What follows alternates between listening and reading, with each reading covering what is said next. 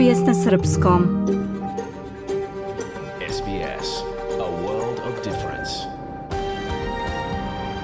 You're with SBS Serbian on mobile, online and on radio.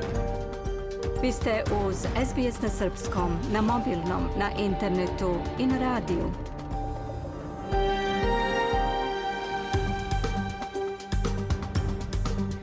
SBS odaje priznanje tradicionalnim vlasnicima zemlje sa koje danas emitujemo program na srpskom jeziku. Ovim izražavamo poštovanje prema narodu Ranger i Vojvorang, pripadnicima nacije Kulin i njihovim prošlim i sadašnjim starešinama.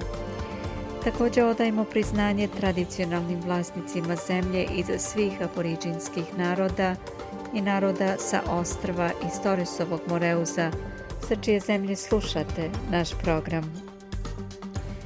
Dobar dan, danas je subota 23. juli 2022. Ja sam Biljana Ristić. U programu posle vesti sledi opširan sportski izveštaj. U Srbiji je vreme odmora. Naša saradnica Mija Nikolić istraživala je gde građani Srbije ove godine najradije letuju. Branko Cvetović razgovara sa Dejanom Jovanovićem, u Kamberi koji je obeležio 30 godina postojanja kluba. U vodiču za doseljenike reći ćemo više o tome zašto u Australiji nije običaj da se ostavlja bakšiš. To su neke od tema. Ostanite sa nama do 16 časova. Sledi pregled vesti.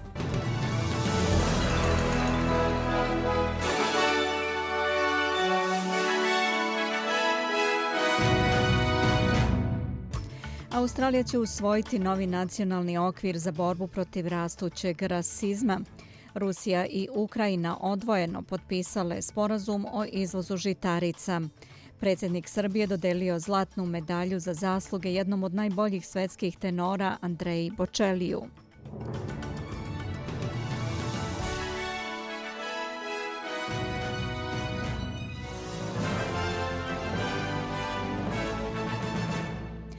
U Australiji će biti usvojen novi nacionalni okvir za borbu protiv porasta antirasističkih osjećanja i diskriminacije prema starosedeocima, jevrijskim i muslimanskim grupama od izbijanja COVID-19.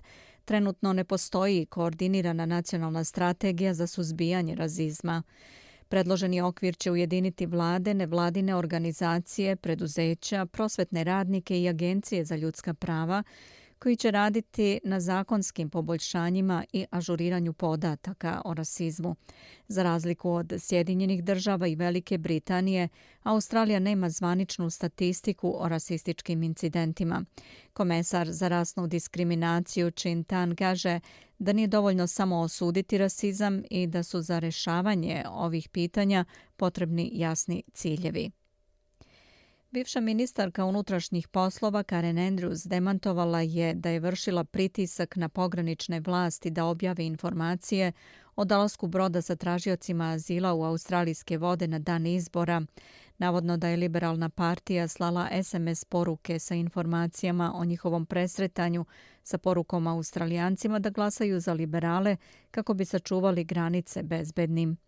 U izveštaju istrage o tome objavljenom u petak utvrđeno je da je izjava o brodu sa azilantima izdata nakon što je tadašnja ministarka unutrašnjih poslova Karen Andrews više puta vršila pritisak na zvaničnike da te informacije objave, ali gospođa Andrews to poriče i kaže da je jednostavno ispunila želju bivšeg premijera da izda spomenuto saopštenje.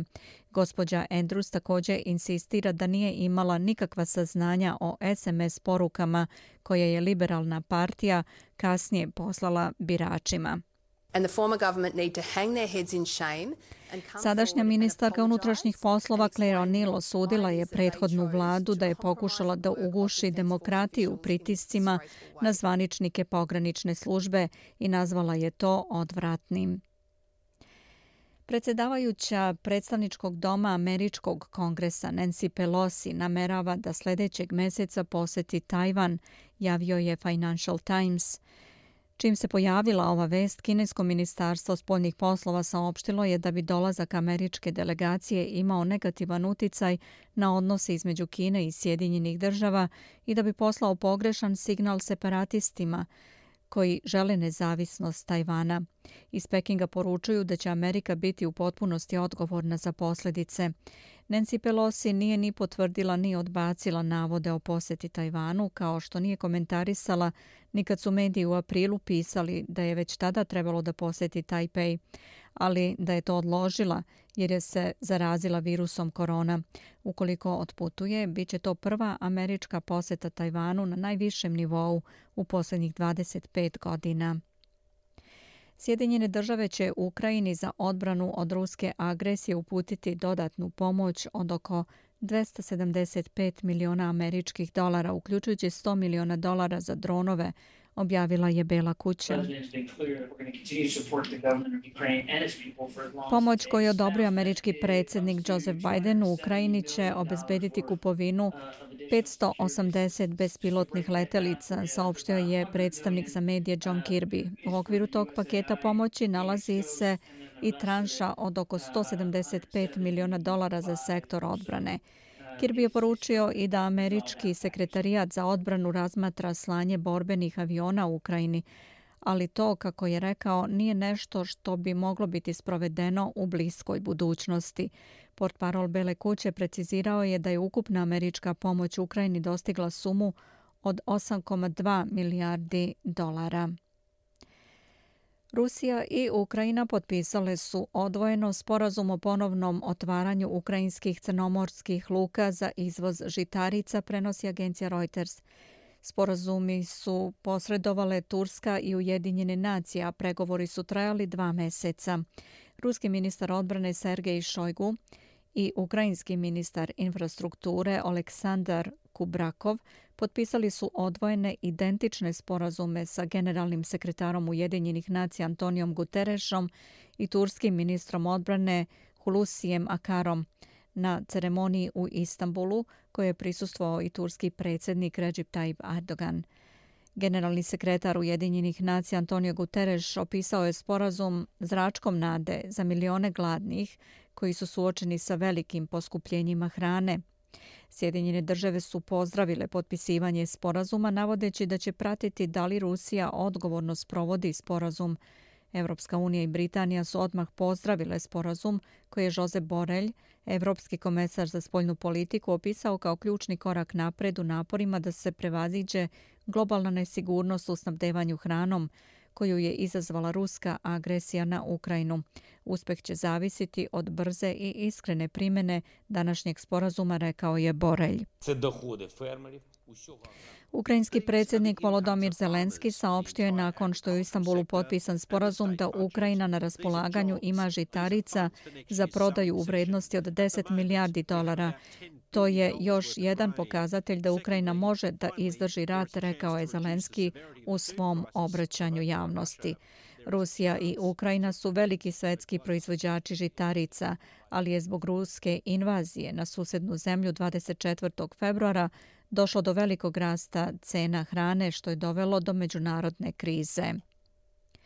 Ambasador Ukrajine u Beogradu Volodomir Tolkač izjavio je za televiziju N1 da bi njegova zemlja želela da Srbija uvede sankcije terorističkoj državi, kako se izrazio aludirajući na Rusiju, i da to učini u onim oblastima kao i Evropska unija. Ukrajinci bi želeli da računaju na to da će Srbija povećati doprinos u odbrani zajedničkog puta u pokušaju odbrane zajedničkog evropskog doma, rekao je Tolkač. Kako je rekao, Ukrajinci i Srbi žele jedno, da žive u zajedničkom evropskom domu. Naš izbor je da branimo zajednički dom, zato danas plaćamo veliku cenu. Osam godina već traje rat sa Rusijom. Danas Ukrajina ne brani samo sebe, već i one evropske vrednosti naroda koji žele da žive u jednom evropskom domu. Dodao je da se sastajao sa predsjednikom i premijerkom Srbije, kao i da je sa Vučićem obilazio izbeglice smeštene u Vranju. Za vreme naše posljednje posete, gde me je pozvao gospodin predsjednik, kod naših izbeglica u Vranje. Video sam u njegovim očima i osjetio to da on želi mir i saoseća sa našim građanima u ovom teškom vremenu. To je bilo iskreno saosećanje i kao što vidimo, Srbija nam daje iskrenu pomoć u tome mi завжди пам'ятаємо про цю допомогу. Mi ćemo se uvek sećati te pomoći. Izuzetno smo zahvalni i Srbiji i predsjedniku Srbije Aleksandru Vučiću za ovu pomoć. To isto mogu da kažem i za premijerku Srbije. Mogu da podsjetim da Srbija je bila među onim državama koja je podržala našu teri naš teritorijalni integritet. Slušate SBS radio pregled vesti. Aktualna premijerka Srbija Ana Brnabić po svemu sudeći neće se zadržati na čelu vlade Srbije kako saznaje dnevni list Nova. Brnabićava je najozbiljnija kandidatkinja da preuzme poziciju predsjednice Skupštine Srbije kako piše taj list. Do kraja leta Srbija bi trebalo da dobije novu vladu, a kako sada stvari stoje glavnu reč u Nemanjinoj, više neće imati Ana Brnabić, prenosi nova.rs. Kako saznaje ovaj dnevni list, njena nova uloga biće u parlamentu gdje će naslediti Ivicu Dačića na mestu predsjednika. Konstitutivna sednica Skupštine Srbije trebalo bi da se održi krajem jula ili u prvim danima avgusta, a nakon toga sledi glasanje za novog predsjednika. Delegacija Evropske unije u Srbiji održala je ove nedelje informativnu sesiju za organizacije civilnog društva o tome kako se prijaviti na novo objavljeni poziv za dostavljanje predloga projekata. Poziv koji finansira Evropska unija vredan je 4,8 miliona evra i ima za cilj da osnaži civilno društvo u Srbiji da aktivno učestvuju u procesu donošenja odluka kroz dalje podsticanje povoljnog okruženja, a u svetlu jačanja procesa evropskih integracija Srbije. Nakon konstitutivnog uvećanja sredstava tokom dužeg vremena perioda, godišnji doprinos Evropske unije će dostići 5,5 miliona, što predstavlja ukupan doprinos Evropske unije od 17 miliona evra za period od tri godine civilnom društvu Srbije. Do kraja godine Kosovo će zvanično podneti zahtev za prijem u Evropsku uniju, poručila je predsjednica Kosova Vjosa Osmani posle sastanka sa predsjednikom Albanije Iljirom Metom, koga je u Prištini dočekala uz najviše počasti. Predsjednik Meta, kome je ovo posljednja poseta Kosovu u svojstvu predsjednika Albanije, naveo je da ne može da prihvati bilo kakvu zahvalnost za podršku Kosovu jer je, kako istakao, to bila njegova ustavna i moralna obaveza. Meta je govorio i o dijalogu Beograda i Prištine, istakavši da on treba da se završi međusobnim priznanjem. Bivši američki ambasador u Srbiji William Montgomery izjavio je da je premijer Albin Kurti promenio odnos Evropske unije i Sjedinjenih država prema Prištini. Montgomery je komentarišući odnos Albina Kurtija za Sjedinjen, sa Sjedinjenim američkim državama za Kosovo online rekao da su Sjedinjene države i Evropska unija sve do Kurtijevih jednostranih akcija i provokacija, kako je rekao po pitanju Kosova, bile pristrasne u korist kosovskih albanaca. Sada i Evropska unija i Sjedinjene države krše ruke u bespomoćnosti i beznađu, rekao je Montgomery. Kako je ocenio izglede sa stvarni dijalog između kosovskih albanaca i Srbije su gori nego ikad. A predsjednica Republike Srpske Željka Cvijanović zastala se juče tokom posete Sjedinjenim američkim državama sa ambasadorom Srbije u Vašingtonu Markom Đurićem.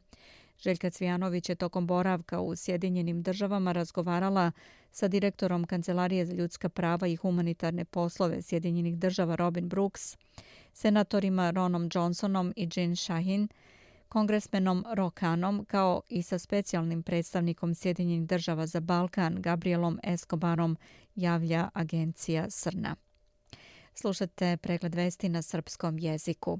Predsjednik Srbije Aleksandar Vučić dodelio je sinoć zlatnu medalju za zasluge jednom od najboljih svetskih tenora Andreji Bočeliju i portugalskoj fado pevačici Marizi. Posebna mi je čast da večeras dodelim zlatnu medalju za zasluge Andreji Bočeliju, jednom od najvećih tenora današnjice i umetniku koji kroz jedinstvenu i fascinantnu strast i interpretaciju publici širom sveta poklanja nezaboravne emocije i spektakularan doživljaj muzike, napisao je Vučić na Instagram profilu. Vučić je odlikovao i portugalsku pevačicu fado muzike Marizu. On je objavio fotografije sa ceremonije dodele medalje za zasluge za dvoje svetskih muzičara. Bočeli je sinoć održao koncert na platovu ispred zgrade Beogradskog geozavoda u spratnju Simfonijskog orkestra radiotelevizije Srbije, dok će Mariza na istoj lokaciji nastupiti danas. I na kraju ovog bloka pevačica i glumica Šonka Duker – koja je igrala lik velike mame Thornton u filmu Baza Lurmana Elvis pronađena je mrtva u svom stanu u Nešvilu, objavili su američki mediji. Dukure je pronađen mrtva u četvrtak, objavila je policijska uprava metro Nešvila na svom Twitter nalogu. Uzrok smrti još nije utvrđen. Da pogledamo i kolika je vrednost američkog australijskog, iznijem se, dolara danas prema američkom vredi 69 centi. 68 eurocenti, 58 britanskih penija i 79 srpskih dinara, 64 pare. I na kraju ovog bloka da pogledamo i kako je vreme širom Australije. U Pertu pljusak 2, 16 stepeni. Adelaide pljuskovi 20. Pretežno sunčano popodne u Melbourneu se predviđa sa 18 stepeni, trenutno je prilično oblačno. U Hobartu oblačno 15, u Kamberi mestimično oblačno 16 stepeni, pljusak 2 u Sidneju 18, u Brisbaneu sunčano sa 22 i u Darwinu sunčano 29. U Beogradu tokom dana vrlo toplo, do 43 stepena.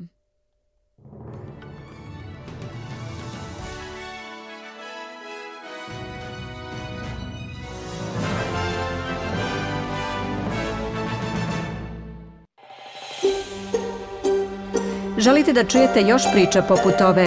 Slušajte nas na Apple Podcast, Google Podcast, Spotify ili odakle god slušate podcast.